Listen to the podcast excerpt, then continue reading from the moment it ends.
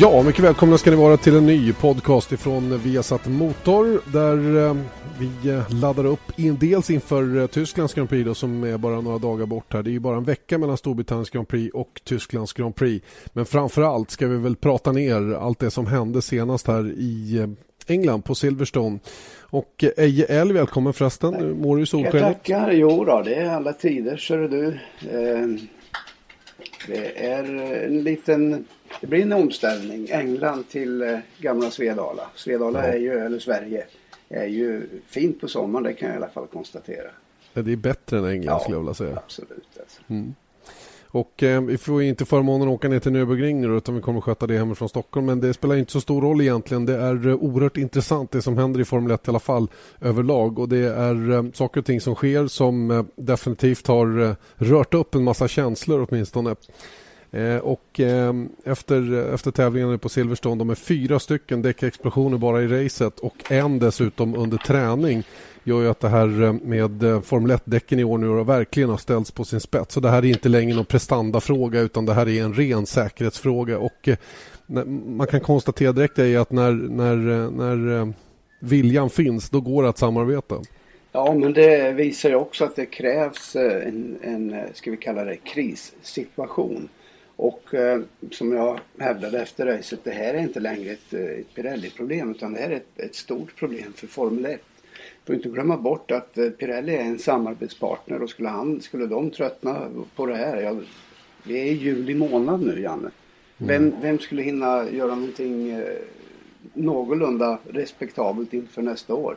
Nej, det är, det är verkligen en krissituation som, som man måste sätta sig ner och se till att man löser det här helt klart. Mm, och det verkar som man har kommit en god bit på väg i alla fall. Eh, tydligen så hölls det möten då sent söndag kväll mellan Bernie Ecclestone, Jean Tott och Paul Hembury då på, på Pirelli och eh, man kom genast fram till en massa eh, åtgärder nu då som man undrar varför de inte har kommit tidigare. Att, att det krävs en sån här extraordinär situation då för att förstå att det är det här som krävs. Ja men Janne, när hände den första den här delamineringen? Var det inte Bahrain med Bahrain, Lewis Hamilton? Ja. Eh, vad sa vi då? Jo, vi sa att det här är verkligen ett allvarligt problem.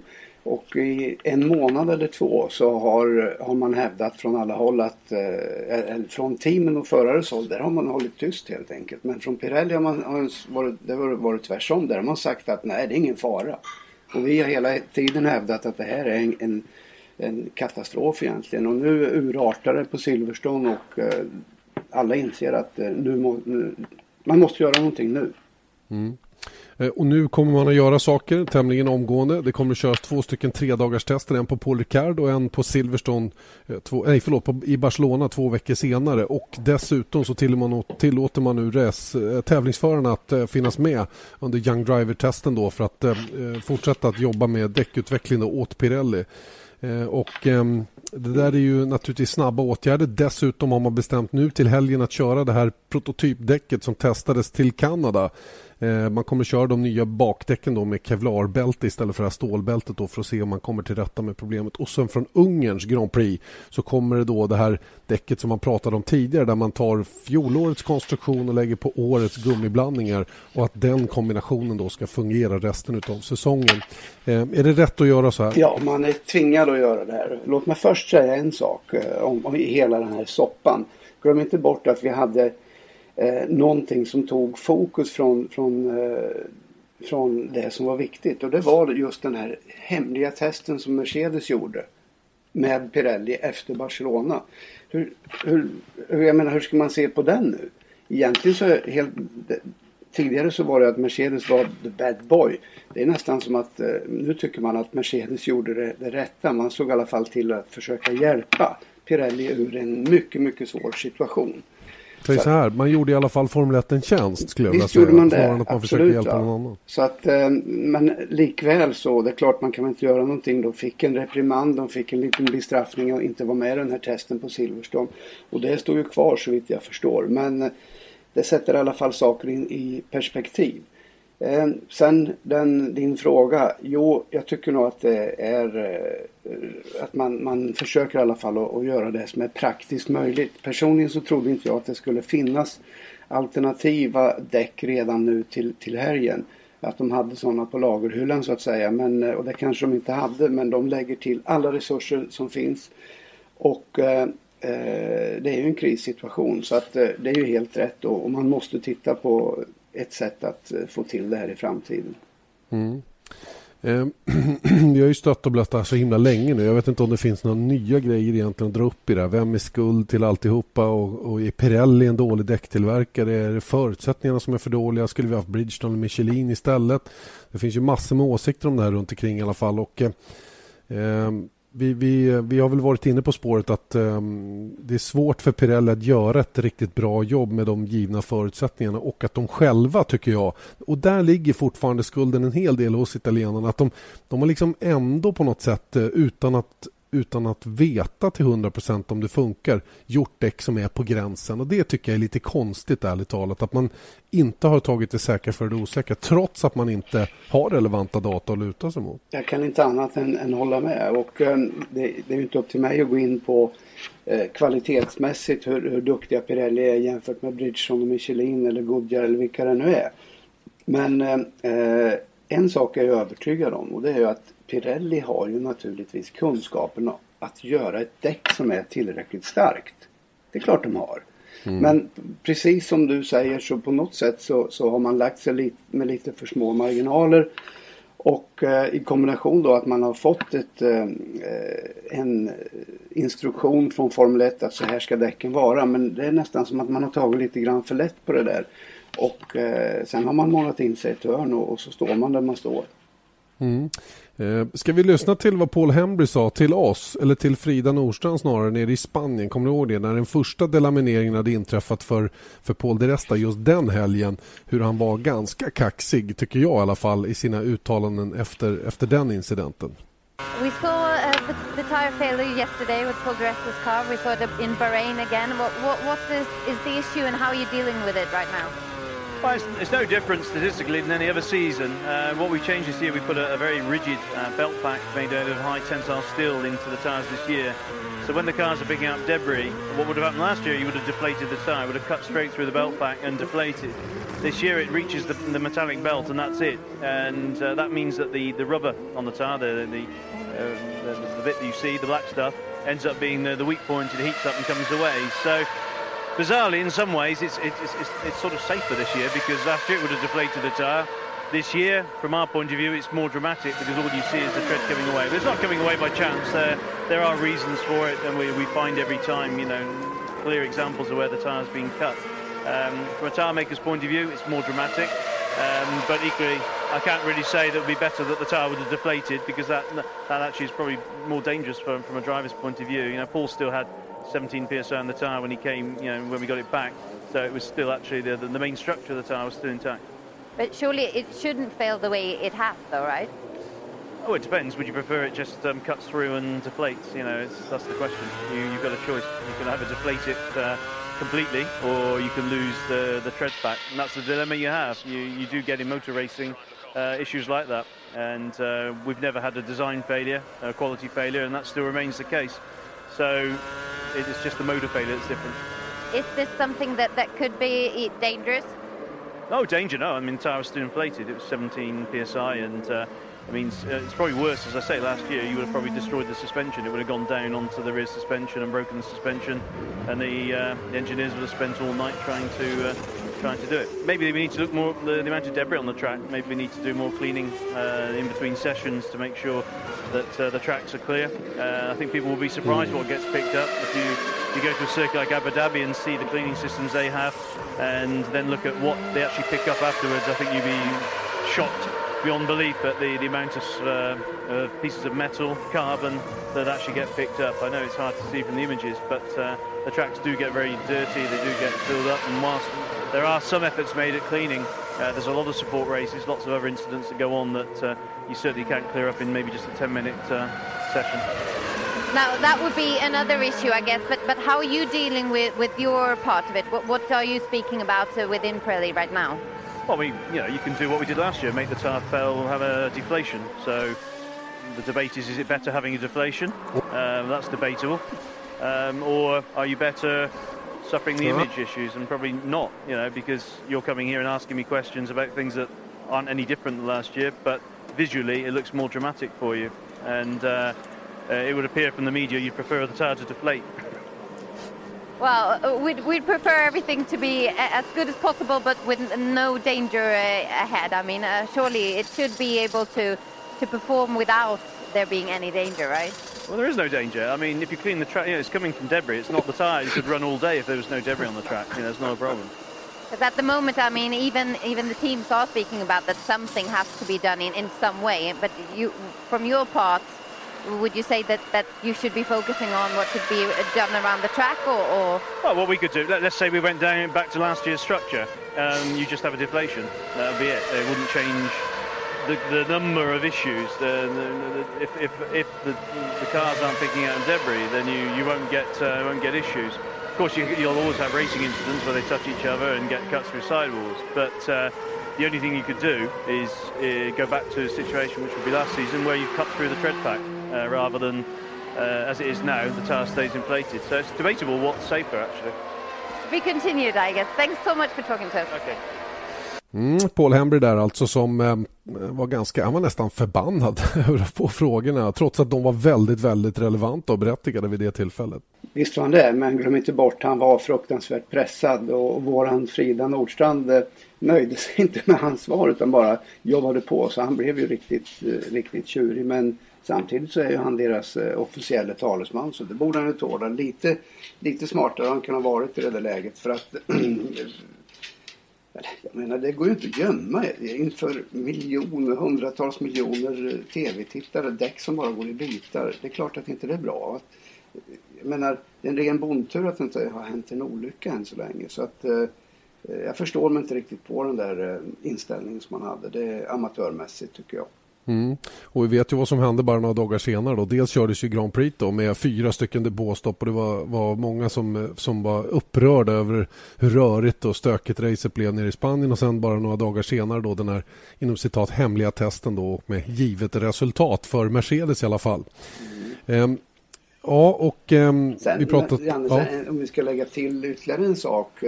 Här, det, det stora problemet som jag ser det det är ju det rent kommersiella i, i alltihop. Det här är ju en jätte, jättesatsning från Pirellis sida. Och eh, man går in i F1 för att, eh, för att eh, bygga ett starkare varumärke. Men eh, vad som har hänt är ju precis raka motsatsen. Och, eh, ja, frågan är ju vem som är den skyldiga i en sån här situation. Men det här har ju potentialen att bli kanske en av de största marketingskandaler som någonsin har, har inträffat på hög nivå. Jag tycker mm. det är helt eh, skandalöst egentligen och eh, jag vet att det finns vissa som säger att eh, Pirelli skulle stämma Formel 1 för att de har förstört deras var varumärke och så vidare. Så det, det, är ju, det ligger på en väldigt, väldigt svår nivå det här, det är bara att konstatera. Ja, för våran del är det ju så. Jag kan tycka på något sätt också att Pirelli själva varit lite flata gentemot Formel 1. De borde, det är precis som du säger och som jag läste någon annan tyckte också att, att de kanske inte har tagit den här uppgiften tillräck på tillräckligt stort allvar så tillvida att man faktiskt har begärt att få de förutsättningar som, som, man behöver. Nu, nu står det ju i kontraktet då att de har rätt till 3000 kilometer tester och allt vad det nu är. Men de får ju ingenting att köra med. Och det är ju det som är problematiken. Va? Ja, och, och, ja det är ju definitivt. Det hjälper ju till att göra det svårt för eh, Pirelli. Så mm. att eh, Eh, det finns ju flera faktorer naturligtvis som, som gör det här. Men, men eh, bara som ett tillägg där som du, på din början här. Jag har ju jag har ju själv tävlat med Pirelli eh, under 80-talet i Formel 2 så de har ju varit med länge. De, de har ju mycket rutin och så vidare.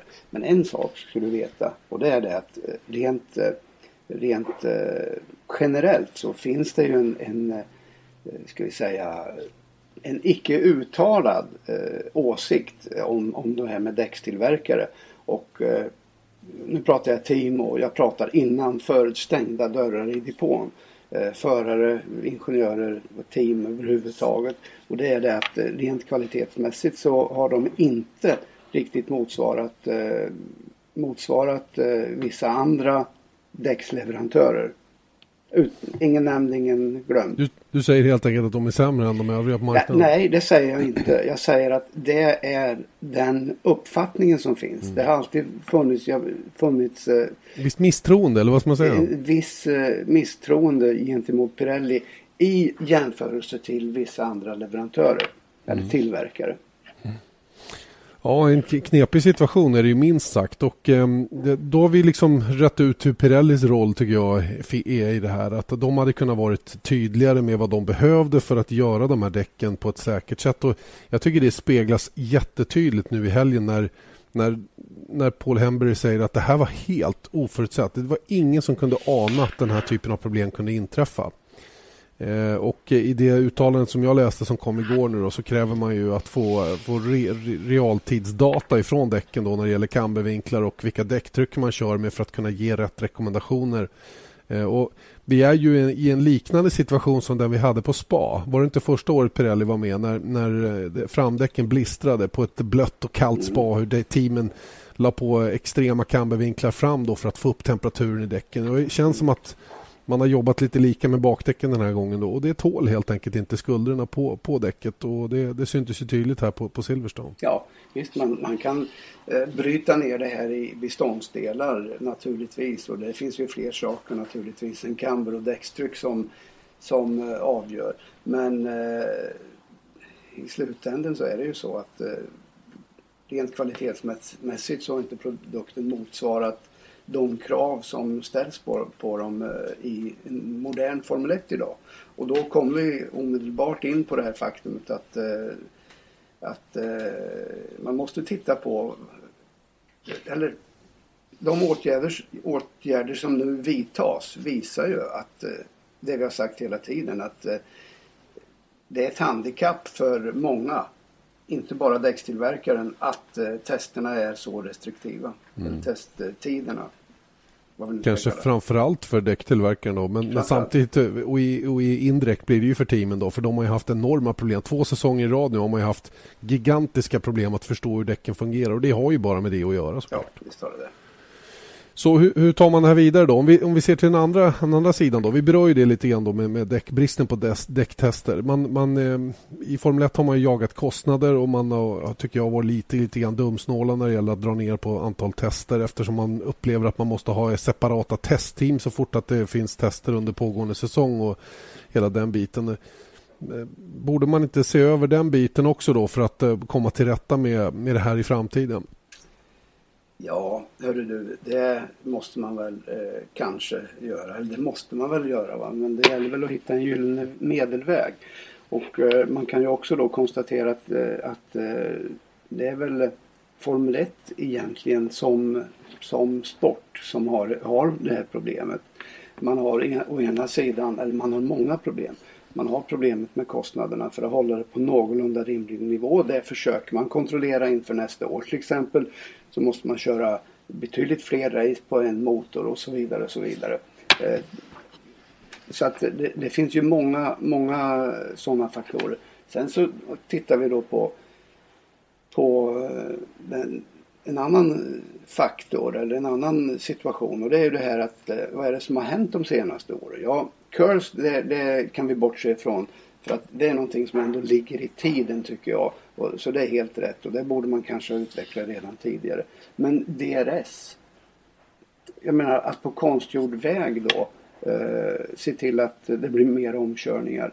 Eh, att man ger däckstillverkaren eh, instruktioner om att tillverka ett däck som, som behövs för att förbättra spänningen och ge en bättre show.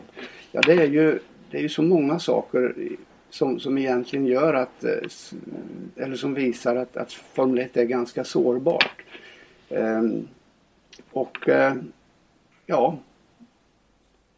Det... Men vi har, nej, vi har samtidigt suttit och hyllat alla de här förändringarna då för att det är ju så att de, det som har skett har ju faktiskt eh, höjt underhållningsnivån flera gånger. Alltså det, det, det, har ju varit, det har ju varit sån enorm skillnad. Och vi, vi, vi satt och ylade över racet nu i söndags och tyckte att det var spännande också. Det var ju indirekt på grund av att däcken gick sönder och hela den biten. Och hur det än är så, så på något sätt så tycker jag att Formel 1 ändå jobbar rätt va, men ändå fel. Ja, jag, jag, vill inte påstå att de jobbar fel Jan, utan jag bara lägger fram, belyser de svårigheter som finns. Va? Och eh, det här med däcken är ju naturligtvis en, en av dem och där har man kanske misslyckats lite grann. Därför att det ena tar ut det andra. Det här med att man inte kan testa, ja, det gör att det blir problem med däcken men ändå vill man ha de däcken. Så att eh, det, det, är en väldigt, väldigt svår ekvation. Men eh, en sak kan vi konstatera att eh, det får aldrig gå ut över säkerheten för då biter man sig själv i svansen. Ja, då kommer ju ingen att köra till slut. Och det var ju det som till, till syvende och sist då fick eh, Pirell att ganska snabbt agera. Eller, eller säg så här, de fick höra precis det de ville höra, nämligen att förarna hotade med bojkott. Ja. Och eh, då, då behövde ju de inga fler skäl än att, än att göra de förändringarna. För vi ska ha klart för oss att de har ju velat förändra däcken tidigare eh, för att komma till rätta med den här delamineringsproblematiken. Då. Den tror jag fortfarande är den allvarligaste, det allvarligaste problemet de har. Eh, men då var det ju tre team då som blev lite giriga och ville inte tappa sin konkurrensfördel. Och det kan jag också förstå till 100 procent. Men det var så. Force India, Lotus och Ferrari satte stopp för den, den förändringen. Då. Nu när det har kommit in säkerhetsmässiga aspekter på det hela, ja, då, då sluter sig alla enade. Åtminstone tillfälligt här så får vi se hur länge det varar innan man börjar gnälla över att någon får en fördel hit eller någon fördel dit. Och ett team som jag tror gnuggar händerna lite grann nu det är ju naturligtvis Red Bull då, som, som dels har börjat få ordning på sitt slitage rent allmänt då, men som också har lobbat för just det här ganska, under ganska lång tid. Och jag, jag vet, jag pratade med Ottmar Safnauer här i eh, inför, inför Storbritanniens Grand Prix som, som är eh, Chief Operating Officer på, på Force India. Eh, och han, han sa ju det, för jag frågade just om det. Ni, ni, ni gillar ju inte det här med att de skulle ändra på däcken. Nej, men man får inte ändra däcken mitt under säsong. Regula reglementet säger det. Och, och, det kan han ju rätt i på ett sätt. Va? Men, men ja, ehm, som sagt, kvaliteten har ju varit lite för krasslig. Självklart så gnuggar Red Bull händerna och det är ju alltid lätt att vara efterklok. Och nu säger Christian Horner ungefär, ja vad var det vi sa? Mm. Ja, ja Adrian Newey är ännu värre. Han säger att alla andra tänkte väldigt kortsiktigt och, ja. och, att det skulle eh, krävas det här för men, att få till Men vi ska heller inte glömma bort, du vet mycket väl Jan att i början på, på Pirellis och, eh, och eh, Formel 1 samarbete där så hade jag många gånger synpunkter på attityden från Pirellis sida där man tog för lätt på saker och, och ting och, och bara öste över öste kritik över teamen, över förarna, hur de körde och, och sådana här saker. Och var väldigt kaxiga i, i praktiken menar jag bara att eh, ja, men lär er att ställa in bilen, lär er att köra. Det är inte bara att köra snabbt längre. Så att de, man var väldigt kaxiga. Och jag tror att lite av det är vad vi, vi ser i att eh, eh jag tror att Red Bull blev blev lite eh, sura på det där och de har ju givit tillbaks värre än någon annan. Även när de har vunnit som i Kanada till exempel så öser de tillbaka kritik gentemot eh, Pirelli. Så att eh, ja en svår situation. Mm, visst är det det. Och eh, ja, Pirelli får försöka jobba tillbaka sitt eh, väldigt, väldigt, väldigt skadade anseende nu under andra halvan av den här säsongen och, och ehm, bör ju få en rimlig chans att göra det och jag tycker att de har fått det nu. Eh, med, med, med tanke på de här två tre dagars testerna plus eh, närvaron av tävlingsförarna då vid, vid Young Driver-testen.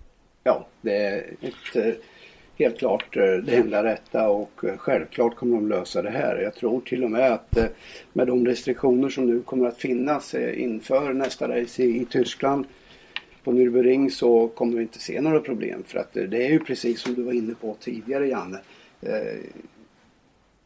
Jag menar det är ju, ta Camber till exempel. Camber är ju ett väldigt eh, enkelt sätt att, eh, att hitta mer grepp och det är ju alltid greppet man är ute efter. Och det är lätt att, eh, att när man har kört fast och inte hittar en lösning på, på hur man ska förbättra, man har provat allting, ja då hänger man på lite mer negativ camber. Och vilket automatiskt re resulterar i högre däckstemp på innersidan på, på skuldran. Så att så är det. Mm. Ganska, ganska simpel lösning för just det problemet. Då. Och, eh, rest, blir det restriktioner? Då? Det blev ju det redan efter, efter Belgiens Grand Prix då, 2011 när man körde för aggressiva cambervinklar fram då, vilket man, genererade blister på insidan. Då, då sa man ju det att ni får inte köra så mycket camber. Man kommer att tajta till det här också nu med däckstryck och cambervinklar och förmodligen andra saker också. Eh, ja, sen det här med att, att, eh, att de inte får byta, byta eh, sida på däcken. Ett vänsterdäck ska gå på vänster sida och inte på höger. Och det där är ett gammalt beprövat trick som man kör ända ner i de minsta klasserna. Att man, man gör ett, ett kvalvarv eller kvalförsök på, på, på när däcken rullar i rätt riktning och sen nästa gång man ska använda dem, ja då byter man sida på dem. Då rullar de ju åt fel håll. Och nu kommer ju Pirelli med informationen också att eh, de är asymmetriska. De har olika, olika konstruktion i yttersidan och innersidan. Och det är sånt som vi inte har hört någonting från tidigare men nu har det kommit fram. Mm. Det är märkligt hur eh, det kommer massa sådana här direktiv helt plötsligt då. Sånt som naturligtvis borde ha varit eh, tydliga redan från början. Förra året gjorde man ju däremot däck som var symmetriska då. Som gick alldeles utmärkt att skifta från sida till sida då, utan att man påverkade eh, livslängden på däcket då, så att säga, eller hur mycket det tålde av påfrestningar. Och så, och så när man ändrar det, då börjar det komma... Och det är där jag tycker att Pirelli inte heller riktigt eh, är med i matchen. Och det är väl kanske just för att man inte har en bil med samma downforce-nivåer och samma sak. De, får inte, de, de kommer inte till ytterligheterna med däcken som tävlingsteamen gör. Och då, då vet de inte vad de ska varna för så att säga. Ja, det, man kan... Eh, naturligtvis är det så. Va? Men samtidigt så är det ju tycker jag, lite ynkligt att man eh, man måste ju vara medveten om att det här är ett sätt som teamen vill jobba. Och då måste ju kommunikationen mellan teamen och däckstillverkaren vara sådan att man, man är mycket väl medveten om vad man kan göra och inte kan göra.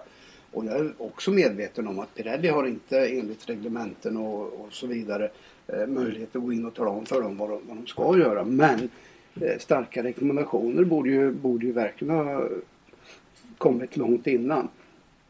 Och eh, sen eh, samma sak här med, med att de har en tre år gammal bil att testa. Det är ju också eh, det känns ju så förlegat så det behöver vi inte ens diskutera. Jag menar Får jag fråga en sak vad du tycker om det just det? För det tycker jag är lite intressant. Det, finns, det står väl Pirelli helt fritt att och bygga sin egen bil enligt eh, gällande reglementer för att kunna förbereda sig så bra som möjligt. Varför har de inte gjort det tror du? Ja, det, jag tror inte att... Eh, jag tror inte att... Ja, visst, de skulle väl kunna gå till Dalara till exempel ja. och bygga en Formel 1-bil. Det, det, är väl en sak. Men eh, för Dalara att bygga en bil som är på nivå med de, de som teamen tävlar med så är det ju en oerhört stor investering och eh, istället, för att, eh, istället för att ha några testdagar där 11 team delar på kostnaden så är det alldeles för mycket begärt att lägga den stora lasten på, på Pirelli tycker jag. Mm. Ja, eh, det är ju ett, det är ett annat problem. Jag vet, varför jag frågar det är för jag tror att många undrar varför de inte har gjort på det sättet eftersom de nu inte får. De, de hade kunnat fått hur många bilar de hade velat av modernt snitt att testa med. Men Teamen tillåter ju inte varandra att lämna en bil till Pirelli för att testa med. Ferrari låter ju aldrig Red Bull äh, lämna en bil Nej. till Pirelli eller vice versa. Va? Just precis. Nej, då är det mycket närmare till målet med att man, att man äh, har x antal testdagar helt mm, enkelt. Mm, mm. Nåväl, vi får se vad som kommer att hända. Vi, vi lär inte kunna lösa den här biten i alla fall. Det vi vet är alltså att man kör med eh, de här prototypdäcken nu i Tyskland, alltså Kevlarbältesförsedda bakdäck. Då. Framdäcken kommer att bli oförändrade men bakdäcken kommer alltså att ha det här kevlarbältet då med, med, en annan, eh, ja, med en annan konstruktion helt enkelt. Från och med Ungerns Grand Prix så kommer alltså 2012 års konstruktion att förses med 2013 års gummiblandningar då. Det är så man tänker sig framtiden just nu då. Det är de, det är de primära lösningarna på det här jätteproblemet som har dykt upp i Formel 1 och dessutom två stycken tre dagars tester eh, enkom för att testa fram däck och jag antar att alla team kommer att vara med där annars vore de ju korkade. Eh, ja, dessutom så, så låter man racerförarna vara med, tävlingsförarna att vara med på den här Young Driver-testen. En sak som jag tycker är intressant i det här som du nämner och det har vi också varit inne på under säsongen att naturligtvis är en kevlarstomme eh, är ju fördelar, eller att föredra i, i åtminstone till, till viss del. Och framförallt så håller den nere temperaturen cirka 10 grader enligt Pirelli själva. Vem tror du gnuggar händerna nu? Mm. Mercedes till exempel mm. som har haft ett jätteproblem. Och, äh, men det hade de även med kevlarbedäcken? Det hade de men det var, det var ganska länge sedan ja. Och, äh, men, men nu har man alltså löst problemet någorlunda och är ju riktigt med på, på med i matchen igen. Och det här tror jag kommer att gynnar dem ännu mer och eh, de ser riktigt vassa ut just nu. Mm. Det, känns, eh, det känns sådär ärligt talat med tanke på allt som har varit.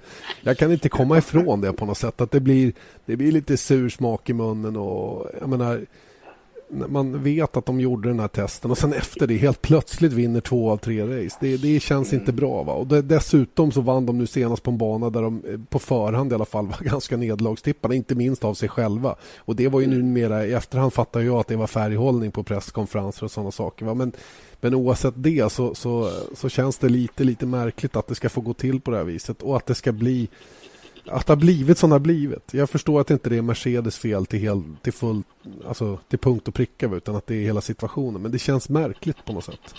Ja, nej, det är ju inte Mercedes fel. Det kan jag absolut inte säga. Men, men eh, jag tror nog att det är de som kanske kommer att dra mest nytta av det. Och eh, nu är man med på, på allvar där uppe och, och, det kan bara gynna dem. Som sagt. Men så här är ju Formel 1. Mm. Det är ju ett av de absolut mest eh, komplicerade reglementena i sportvärlden. Det kan, det, mest, det, måste, det kan inte finnas något som är mer komplicerat och svårtytt. Och, äh, varje år i stort sett så lämnas det ju några luckor, gråzoner och det försöker alla använda så mycket de kan till sin egen vinning.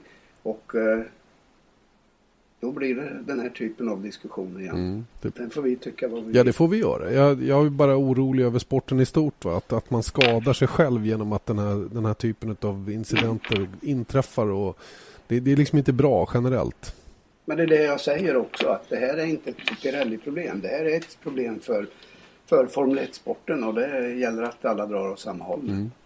Och vi drar alla åt ett håll just nu då, för det är nämligen Nürburgring som gäller. Senast man körde Tysklands Grand Prix var ju på Hockenheim och eh, den här gången är det alltså Nürburgring. Det ska bli lite kul tycker jag att komma upp till Eiffelbergen där och se vad, vad det har att erbjuda i form av action. Det är ju ett ställe där eh, det normalt sett kan vara lite ostadigt väder minst sagt. Jag vet att du har varit där flera gånger när det har varit fullständigt kaos. Jag minns när, eh, när Lewis Hamilton körde av in i kurva 1 när regnet vräkte ner. Var det inte mm, Winkelhock som, som tog, stod längst fram i mm, omstarten? Ja. Hamilton fick hjälp upp på banan, stod på tomgång i Sandfållan hur länge som helst. Och, ja, det, har varit, eh, det har varit massor med, med intressanta race. Kimi Räikkönen bromsade på sig en gång och körde sönder fram, fram med hjulupphängningen för att den vibrerade sönder av den där bromsplattan han hade. Mm. Så det, det, är ett eh, speciellt ja, ställe att komma till. Ja, intressant just med tanke på att vädret ofta spelar ett spratt där. Men annars en, ja vad ska vi säga om banan? Naturligtvis kan vi inte dra några liknelser med gamla goa Nordslingan. Va? Men eh, det är i alla fall kuperat och man har försökt att få till det så mycket som möjligt. Och den här nya loopen då direkt eh, efter, heter det Mercedes? Ja, jag tror det. Oerhört svårkörd är den för övrigt. Ja, det är som en flygplats det där. Och vi ser ju otroligt eh, tajta goa fighter. Va? Så att eh, ja, det bäddar nog för ett, eh, ett, en trevlig helg, det är jag övertygad om. Senast vi var där så vann Lewis Hamilton och innan dess så var det Mark Webber. Så att eh, det är kända namn. Mark Webber har varit på ett pool de två senaste gångerna. Eh, Vettel har aldrig vunnit. Eller varit på pool där. Nej, det är lite intressant statistik. Och eh, som sagt, frågan är vad den här, eh, vad den här helgen har att ge. Då. Eh, vad, vad, vad, vad, känner du på förhand? Det är fortsatt, eh, jag menar Mercedes, de är ju favorit i varenda pole position nu framöver. Ja, visst är de det. Fem av de sex senaste. Så att, eh, eh, helt klart. Men det är mycket möjligt att de också nu för att eh, ta upp fighten på allvar. För att helt plötsligt nu, enligt Hamilton, nu är man med och slåss om VM. Och det var man inte för en, en månad sedan utan då var det helt andra ton, tongångar. Och eh, det är mycket möjligt att man måste börja titta på Red Bull. De har ju gjort eh, precis det som var väntat. De var ju ursnabbade. Pool första startled var ju givet att de skulle ha i regel mm. för. Eh, idag har de fått eh, lagt om en, en strategi, Eh, tittat på, på söndagen mer än, än eh, eller på, på helgen som helhet istället för, för på, på, bara, bara kval. Och det har ju betytt att man har fått offrat en del under lördagen. Och frågan är om inte Mercedes också, eh, de är så pass starka nu i kval så de måste titta lite mer på hela helgen som, som sådan. Men eh, eh, helt klart så det kommer att stå mellan dem och Red Bull på, på lördagen. Eh, det är väl inget snack om den saken. Ferrari eh, tycker jag var bleka trots att det blev en eh, fantastisk eh, bra avslutning med mycket poäng för, för Alonso här på Silverstone. Men det hade med andra så, saker att göra? Känns det, det hade med andra mm. saker att göra, absolut. Men, men det lyser igenom att de har inte riktigt eh, den styrkan som de skulle behöva och eh, det vi är inne i ett kritiskt skede nu. Det, det är oerhört viktigt för Ferrari att, eh, och Alonso framförallt att inte tappa för mycket mark till framförvaran. Nej, jo, jag menar, jag tror att de initialt kan tycka det är rätt så bra att Merca går bra och tar de stora poängen så att säga. Då, för det innebär att de inte tappar lika mycket. Och den här gången tog de som sagt på Fettel. Då, men normalfallet så, mm. så bryter ju inte Fettel tävlingar och då, då, då tar han ju de där poäng, poängen som, som krävs för att um, i allmänhet vara före Alonso. Eh, och det där är ju, nu måste ju Alonso börja ta nästan varenda tävling. Och Absolut. kommer dessutom Mercedes nu. Jag tittar nu, Hamilton 89 poäng. Han är 9 bakom ja, Kimi Räikkönen. Han är alltså ja, är 22 poäng bakom Fernando Alonso just nu. Vilket är samma avstånd som Alonso själv har fram till Vettel. Så att mm. det här är grymt. Här. Och Nico Rosberg är bara 7 poäng bakom Lewis Hamilton.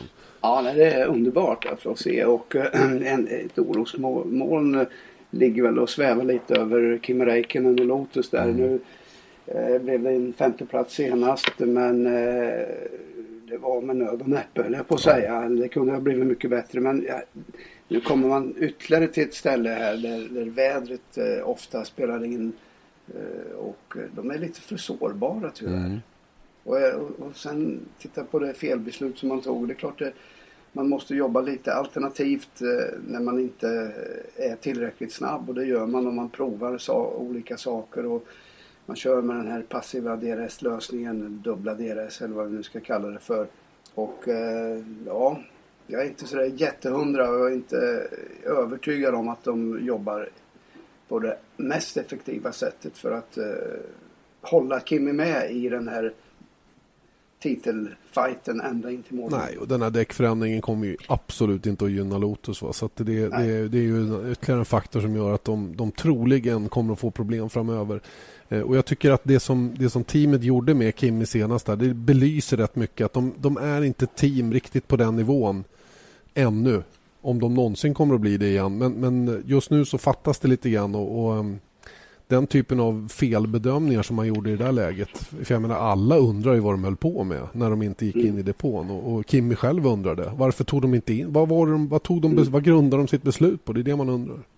Ja, jag vet inte. Jag, jag var till och med inne på att ta i mina egna tankar om de gjorde en, en total felbedömning och glömde bort att, eh, eh, att eh, man förlorar oerhört lite tid just där på Silverstone därför banan blir så pass mycket kortare när du åker in. Eh, Eh, du slipper alltså Vail och eh, Club och eh, tappar väldigt lite tid där. Och jag, undrar till och med, men det kan jag inte det är för amatörmässigt. Men jag tyckte det var så konstigt beslut så jag till och med började titta på dem, det alternativet. Mm. Ja, de har inte råd att göra den typen av eh, varianter framöver i alla fall. Kim Räikkönen är dock fortfarande 3, 98 poäng har han då och är nu 13 poäng bakom Fernando Alonso och är alltså bara 9 före Lewis Hamilton. Och som sagt, om Mercedes fortsätter att gå som de gör nu och dessutom får de här nya Kevlar-försedda däcken så kommer det att eh, kanske se lite annorlunda ut. Mercedes är dessutom ny tvåa i konstruktörs-VM. Eh, de seglar förbi Ferrari här nu då med 171 mot 168. Det är inte stor skillnad men det är en tydlig markering också på vart det är på väg i det avseendet med.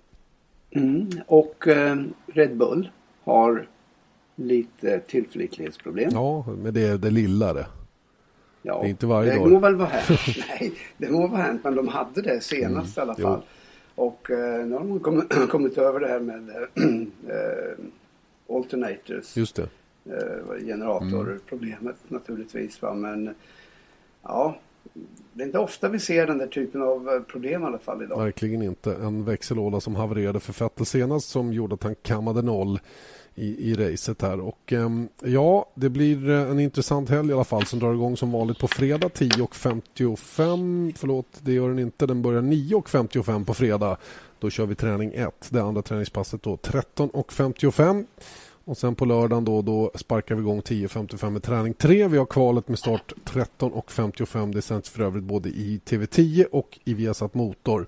Sen visar vi då GP2s första race 15.35 och sen GP3s första race 17 och 15. Det är lördagens aktiviteter. Och då ska ni heller inte missa Nascar och Coke Zero 400 Coke Zero 400 natten mellan lördag och söndag, alltså 00.30 är det dags för Nascar. Och sen på söndagen om vi avslutar med det då så har vi ju allting som drar igång. 09.20 då är det GP3-seriens Race 2, 10.30 GP2-serien Race 2 och sen har vi Porsche Supercup då med start 11.40 och som vanligt 13.30 uppsnacksdags, uppsnacks dags för Tysklands Grand Prix i Viasat Motor. Så ser det ut. Och Sen så ska ni för övrigt inte heller, det måste vi prata lite om, rallycross-EM som, som går på söndag från Höljes. Det är ju säsongens höjdare för oss svenskar i alla fall. Eh, och dessutom är väldigt, väldigt starkt svenskt startfält. Det här kan bli hur kul som helst. Och ni ser alltihopa live i TV10. Fränt, eller hur?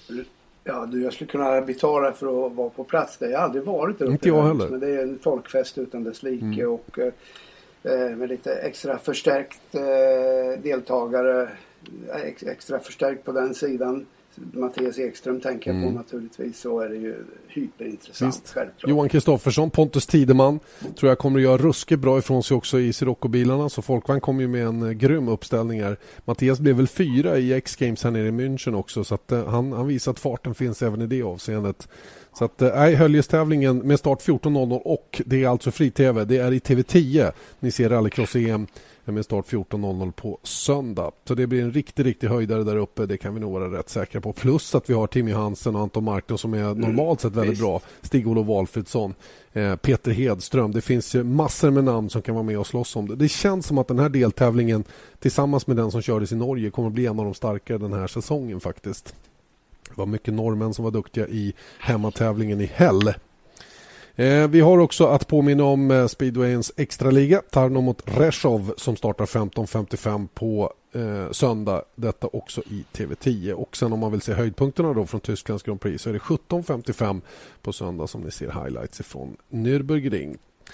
Eh, mycket att hålla reda på inför helgen. Eh, du kommer att hälsa på snart då, uppåt mina trakter. Jajamän, kommer jag var uppe i Stockholm i helgen och eh, ser fram emot att träffa dig. Men jag är inte riktigt klar med dig. Alltså, du har gjort en vacker fin avslutning här. Men jag har en fråga ja, till dig. Ja, kör hårt. Det är kul. GP2 ja. då? Hur är det med deras däck? Ja, det är en stor fråga. Det är ju... Eh, det, det, usch vad jobbigt att behöva dra igång det. Men, men GP2 ja. har ju på något sätt... ja, jag vet. Men den ligger där och gnager hos mig ja. i alla fall. För att vi, vi såg för första gången även på Silverstone ett däck som havererade mm, även där. Just det, en delaminering då. Det, det gamla problemet som Pirelli haft då som, eh, som är ett bekymmer naturligtvis. Så vad vi har kunnat höra från Marcus då, Eriksson som, som kör i GP2 är ju att det är lite stökigt i år just för att man har eh, ett betydligt större slitage fram än man har haft tidigare. Förr kunde man ju pusha framdäcken egentligen hur mycket som helst och bara inom citat ta hand om bakdäcken då. Det var, det var liksom så man gjorde mm. setupmässigt. I år funkar det inte så. Det, det syns ganska tydligt på, på Dams och, och på Marcus där att de, de är inte riktigt överens med hur man ska göra det där och det, det är oftast diskussioner om hur man vill ställa in bilen. Ja, visst är det det. Och, äh, jag bara sitter och funderar lite grann hur man ser på det från Pirellis håll. Nu kanske det är mer, mer eh, troligt att när det gäller GP2, där, då har man gjort de däcken man, man har, eh, kommer att ha behov av resten av året och då, säkerligen kommer man bara fortsätta på det. Va? Men samtidigt så är det ju sagt att de däcken ska matcha Formel 1-däcken och vara så lika som möjligt och uh, på något sätt när man har sett en antydan att även de kan gå sönder. Mm så kanske det vore läge att eh, titta över den biten också. Kanske en GP2-däcktest också, vem vet. Vi får väl se vad som kommer att hända. Det finns massor att prata om i alla fall. Hoppas ni eh, hänger med oss under helgen. Vi startar alltså fredag 9.55 och ny podcast. Ja, det kommer om en vecka igen, det kan vi lova. Tack så länge säger Janne Blomqvist och